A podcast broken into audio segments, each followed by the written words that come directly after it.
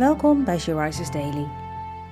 Deze maand staat het Bijbelboek Nehemia centraal en vandaag luisteren we naar een overdenking van Wendeline Derieux.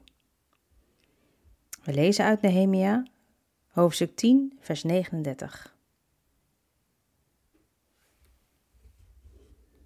De levieten moeten vervolgens een tiende van die tiende naar de voorraadkamers van de tempel van onze God brengen.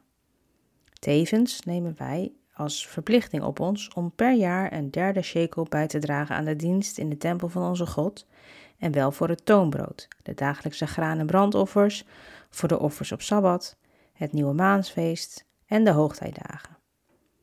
En voor de heilige gaven, de offers om verzoening voor Israël te bewerken en voor de overige diensten in de tempel van onze God. In dit korte gedeelte uit hoofdstuk 10 gaat het hier over geld. Een moeilijk onderwerp voor sommige mensen. Toch staat er heel wat over geschreven in de Bijbel.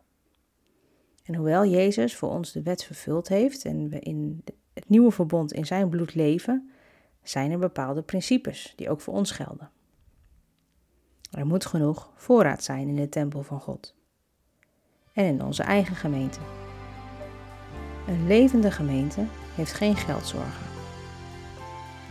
En degenen die dienstbaar zijn, moeten ook voldoende ontvangen om van te leven.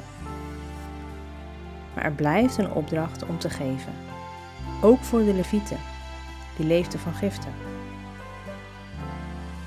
Ooit kregen wij zomaar een gift van vrienden die uit geloof leefden. Ze hadden een grote gift ontvangen en kregen het in hun hart om ons met een deel daarvan te zegenen, hoewel wij een vast inkomen hadden.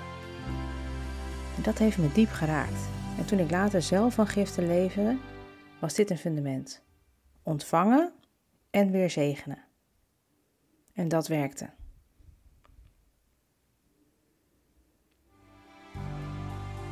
Je luisterde naar een podcast van She Rises.